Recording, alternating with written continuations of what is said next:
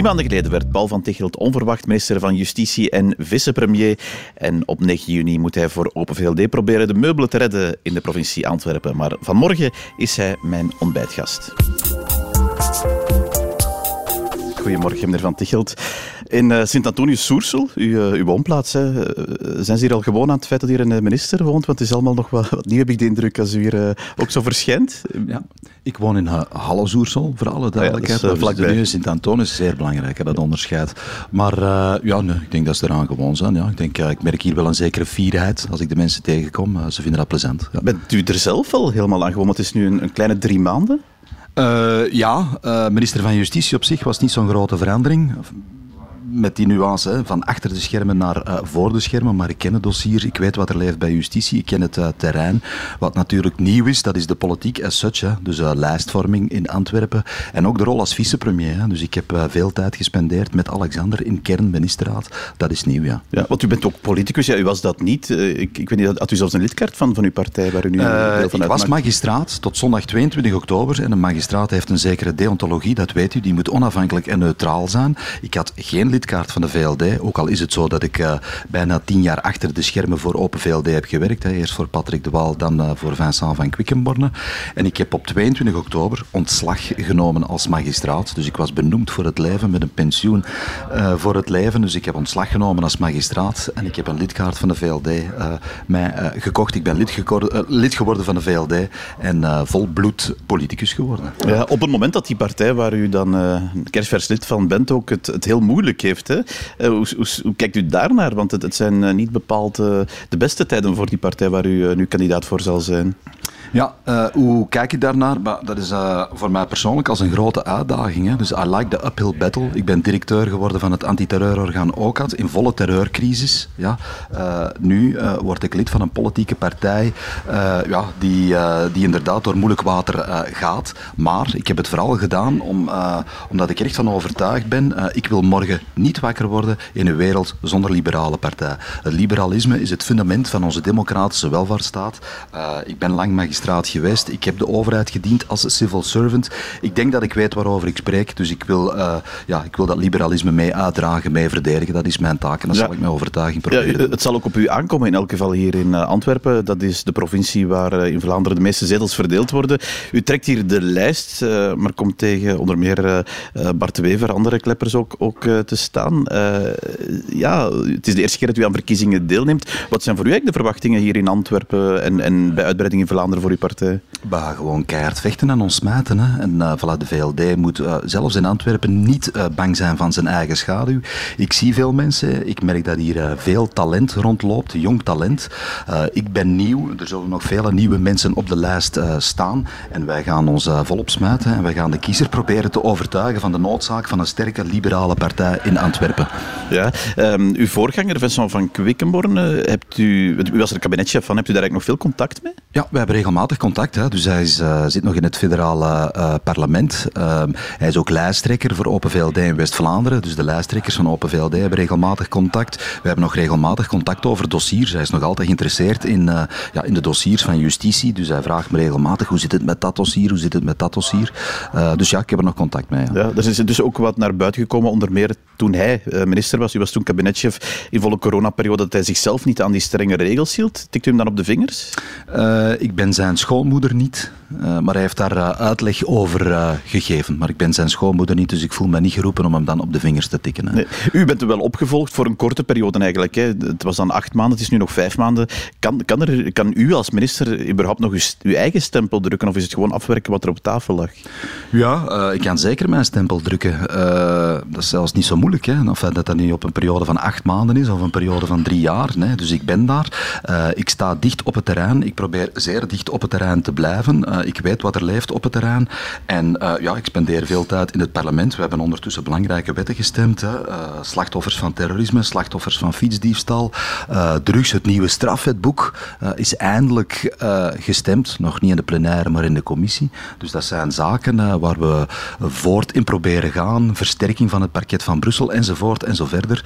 dat probeer ik van op het terrein probeer ik dat nu voor de schermen uh, in Brussel uh, ja, uh, waar te maken wat er moet gebeuren. Ja, los van dat parlementaire werk waar u het over heeft, is er natuurlijk ook heel veel op de tafel ligt. het lijkt wel alsof het de laatste weken, en zeker ook gisteren toen we dat rapport van de staatsveiligheid konden inkijken, ook vooral gaat over het risico op buitenlandse inmenging vooral dan via spionage. Gisteren leerden we dat uh, de staatsveiligheid uh, over acht politici uh, aan de alarmbel trekt. Wat betekent dat dan precies als er aan de alarmbel wordt, wordt getrokken?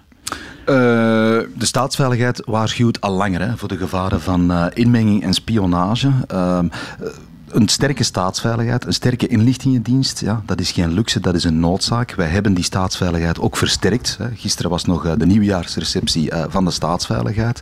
Eh, de staatsveiligheid, als wij begonnen op justitie, telde 500 man. volgend jaar, of dit jaar, excuseer, het is 2024, nu zal de staatsveiligheid 1000 man tellen. Dat is geen luxe, dat is een noodzaak. De staatsveiligheid is een belangrijke buffer voor de weerbaarheid van onze maatschappij tegen spionage en inmenging.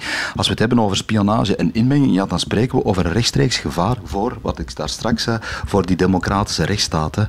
Uh, dat zijn uh, autoritaire regimes, Rusland, China, om die twee te noemen, die die het niet zo goed voor hebben met ons. Hè. Die zijn een bedreiging voor onze liberale democratie. En als dan gezegd wordt over acht politici, want, want daar uh, wordt in het uh, rapport aan gerefereerd, dat, dat, uh, dat kan een risico zijn. Wat, wat, betekent dat precies dan? Ja, elk geval is anders. Dus de minister van Justitie, de minister van Justitie wordt daarvan op de hoogte gehouden. Ehm, we kunnen daar, enfin, de staatsveiligheid probeert transparant te zijn. Hè. Dus voilà, gisteren heeft de topvrouw interviews gegeven, maar de informatie waarover het gaat, dat is geclassificeerde info, informatie dat heeft zijn redenen. Dus ik kan dat hier niet op de tafel, op de ontbijttafel, uh, lekker trouwens, maar ik kan dat hier niet op de ontbijttafel uh, leggen. Het gaat dan over uh, politieke mandatarissen die op een gegeven ogenblik worden aangezocht door spionnen die men probeert te winnen voor zich. Hè. Dat gebeurt vaak heel subtiel, ja, met geschenken, met het gevoel dat die mensen belangrijk zijn. Dus men, men streelt het ego, men streelt de ijdelheid, men streelt soms ook de portemonnee. Dat gebeurt soms heel subtiel, zoals ik zei, maar als dat gebeurt, ja, dan, dan ben je vertrokken. Uh, vaak uh, zijn die mensen uh, onwetend, worden zij betrokken of getrokken in een spionageverhaal. En dan moet de staatsveiligheid één, dat zien te intercepteren. En twee, ook de nodige maatregelen nemen. Maar worden die politici zelf, want, want u zegt het is anticiperen ook, worden zij daar zelf ook op de hoogte van gesteld? Elk geval is anders, maar het kan gebeuren inderdaad dat die politici dan worden benaderd door de staatsveiligheid om te zeggen, pas op meneer of mevrouw, maar uh, die contacten die zijn niet zo onschuldig als ze lijken. Uh, beware. De, ze noemen dat dan sensibiliseringsbriefings. We zijn trouwens overeengekomen met de veiligheid van de staat en het parlement dat in aanloop naar de verkiezingen, er komen verkiezingen aan inderdaad, dat de staatsveiligheid alle politieke partijen opnieuw gaat sensibiliseren. Enfin, we zullen zien of alle politieke partijen ingaan. Ja, maar dus van die acht dossiers, u kan ze natuurlijk niet individueel behandelen, daar zijn sommigen ook, of de meeste van ook, ook gewaarschuwd door de staatsveiligheid. Daar zijn mensen bij die gewaarschuwd zijn. Ja. En wordt er dan ook opgevolgd of ze daar gevolg gaan geven? Uh, de staatsveiligheid uh, voert onderzoeken. Uh, ja, elk geval is anders, maar uiteraard wordt dat gevolgd, ja. ja. want het is de laatste weken in het nieuws gekomen door Frank Rijlman, intussen ex-lid van, van Vlaams Belang. Maar ik begrijp als u zegt het gaat over acht mensen, dat het al niet, niet alleen over, over mensen van Vlaams Belang gaat. Het hoeft niet alleen over mensen van Vlaams Belang te gaan, absoluut, ja. Dus dat betekent dat ook andere partijen en andere politici benaderd zijn en misschien op ingegaan zijn op, op uh, zulke uh, ja, toenaderingspogingen.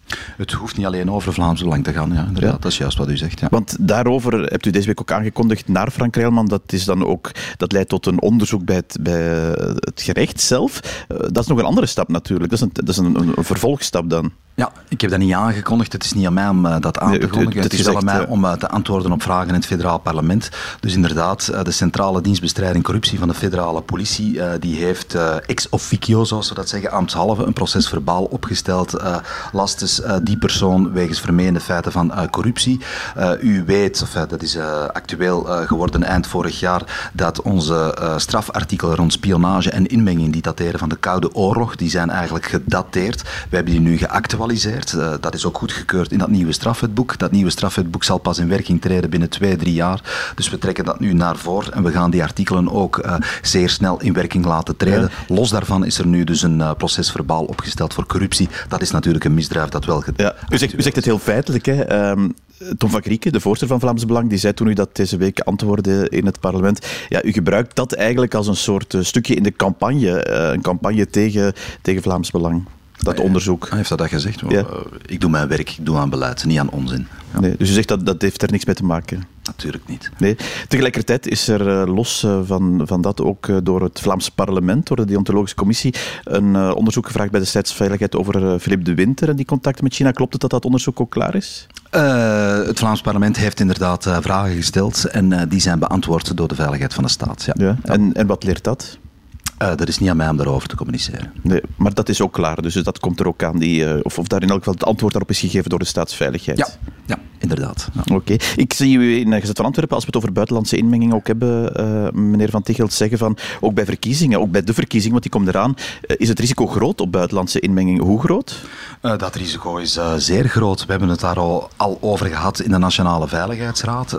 het is geweten, allee, dat is geen geheim. Hè. Iemand als Poetin, ja, die voert niet alleen fysiek oorlog in Oekraïne. Die voert ook hybride oorlog hier bij ons. Hij zet trollen in om complottheorieën te voeden, uh, om, ja, om onze maatschappij uh, te destabiliseren, om de extremen hier uh, te versterken. We hebben dat gezien in het dossier van de verdwenen militair. Hè. Hij heeft toen de complottheorieën actief mee gevoed.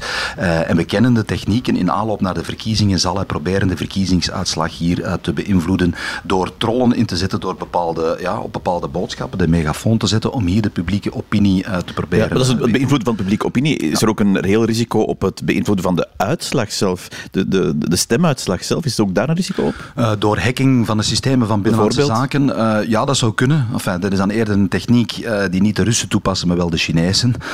voilà, de hacking. maar is ook dat een risico, een reëel risico? dat, dat risico is niet onbestaande. Dat is uiteraard kleiner, dat risico, dan dat men de verkiezingsuitslag probeert te beïnvloeden.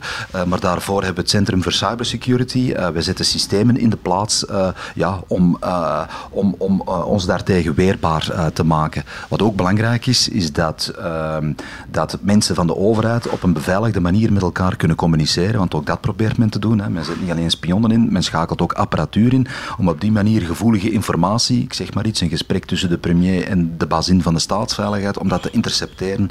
Dus wij hebben ook geïnvesteerd, deze regering, of justitie heeft dat uitgerold, in systemen om onze communicatie te beveiligen. Zeer belangrijk ook. Ja, maar dus u zegt, het is, het is, het is opletten geblazen, want het, het, risico dat die uitslag zelf ook beïnvloed wordt door hacking is, is niet onbestaande? Uh, geen enkel risico is onbestaande, ja. Ja. dat zijn uh, behoorlijke woorden. Ik wil het ook nog even met u over iets anders hebben wat hier in eh, de provincie Antwerpen, uiteraard in heel het land, maar ook vooral in uw provincie uh, hard speelt, is die strijd tegen drugs. Um, hoe zit het er eigenlijk mee? Is, is daar überhaupt al een stap gezet? Want dat, dat lijkt niet echt het geval, hè? Uh, daar zijn uh, veel stappen gezet. Ja? En wij voeren die strijd met veel overtuiging, heel vastberaden. Uh, wij zetten op verschillende domeinen in. Maar helaas is het niet zo. Je moet eerlijk zijn. Eén, een mirakeloplossing bestaat niet. En twee, een oplossing, wat is dat? We gaan dat probleem nooit volledig bannen. Hè? Dus we moeten eerlijk zijn. Het is wel onze taak om de uitwassen van die drugscriminaliteit, om die zoveel als mogelijk te bestrijden. Corruptie, geweld, het, het infiltreren in de legale economie, dat is een serieus gevaar vooral ook het, geweld. En daarin zeg ik u, ook al lijkt het soms anders, we hebben daarin al belangrijke stappen gezet. En we gaan er ook in slagen, we gaan er ook in slagen om het verdienmodel van die drugmafia te breken. Dat, uh, u zegt we gaan erin slagen. Ja. Over wat hebt u, of, of wat, naar wat refereert u dan? Uh, naar de stappen die we zetten. Ja? Uh, naar al die zaken die we doen. Maatregelen om onze haven van Antwerpen dicht te metselen. Ja? Om die weerbaarder te maken, zodanig dat die haven onaantrekkelijk wordt. Ik heb het over het opjagen van die drugcriminelen die nu nog in het buitenland verblijven. Ik heb het over de follow the money approach. Dus, dus het, de buitgerichte recherche, het afnemen van die criminele vermogens. Ik heb het over het dossier Sky ICC. Ja? Dankzij onze Belgische justitie uh, kunnen we meekijken en hebben we mee kunnen kijken in dat criminele netwerk zelf. Zijn er al meer dan duizend mensen veroordeeld. Onze gevangenissen puilen uit momenteel. Er is een gevangenisstaking aan de... Of geen gevangenis, een staking van de cipiers. Net daarom. Omdat we... We hebben nog nooit zoveel gedetineerden gehad. Maar als u zegt, we gaan dat verdienmodel dat gaan we onderuit halen. Hoe, hoe zal dat blijken? Uit wat, wat zal de, de toets daar zijn? Uh, wat zal de toets daar zijn? Uh, we zien... Uh, het cocaïneprobleem is geen Antwerps probleem, is geen Belgisch probleem, is een mondiaal probleem. Ja? Uh, de toets zal daar zijn. Uh, wij willen Antwerpen en België onaantrekkelijk maken voor die drugscriminelen. De toets zal daar zijn dat, het dat de criminaliteit wordt teruggedrongen. Minder geweld, minder corruptie, minder cocaïne in de Antwerpse haven en uh, het voor de rechter brengen van alle verantwoordelijken, ook de druglords die nu nog in het buitenland zijn. Ja. Dat is de toets. De drugscommissaris Ine van Wijmers die zei in de kerstvakantie bij ons op Radio 1. Ja, uh, het is ook aan politiek om, om de, de wetgeving rond het bezit van drugs, zeker rond softdrugs, marihuana, uh, die, die nu wat vloe is voor interpretatie vatbaar, om die uh, na de verkiezingen om daar duidelijker regels voor uit te vaardigen. Ze verwijst naar dat Portugese model, hè, waar het gedecriminaliseerd wordt. Bent u het daarmee eens? Is dat een boodschap die u ondersteunt? als Ine, of mevrouw Van Wijmeers, de drugscommissaris, als zij een boodschap geeft, dan is het aan ons om te luisteren. Dan is het aan de politiek om te luisteren. Daarom hebben wij ook een drugscommissaris aangesteld. Uh, wat uh, het cannabisbezit en gebruik in de drugwet uh, betreft, of, het principe in de wet is dat het verboden is. Ja? maar anderzijds, en dat is het beleid van het Openbaar Ministerie, heeft weinig zin om gebruikers te criminaliseren. Um, dus dat wordt beschouwd als een probleem van volksgezondheid, wat niet wegneemt dat druggebruikers dat die beboet kunnen worden. Ja, we noemen dat het systeem van de onmiddellijke middelijke schikking. We hebben die boetes nog verhoogd ja. hè, voor de occasionele cocaïnesnuiver. Maar moet het aangepast worden? een boete tot 1000 euro. Um, het, want men verwijst vaak naar het, Antwer uh, naar het Portugese model. Ik kan u zeggen, enfin, ik ben drugmagistraat geweest in Antwerpen, dat Portugese model bestaat de facto in Antwerpen al. En wat is het Portugees model? Men heeft daar het druggebruik gedepenaliseerd, maar het blijft beboet. Men moet daar voor een administratieve commissie okay. komen. In Antwerpen is het de procureur ja, die die druggebruikers beboet, ofwel naar de drughulpverlening verwijst. Uh, spreek daarover met de Antwerpse procureur. Het Antwerps parket hanteert de facto het Portugees model. En wat mij betreft kunnen we dat nationaal uh, uitbreiden. Ja, dus wat zij aangeeft is iets waar uh, u eventueel over hebt na de verkiezingen. Absoluut. Oké. Okay. Meneer Van Tichelt, dan uh, is onze tijd hierbij al opgebruikt. Ik bedank u in elk geval van harte om hier met ons te ontbijten vanmorgen. Dank je wel. Dank u. Graag gedaan.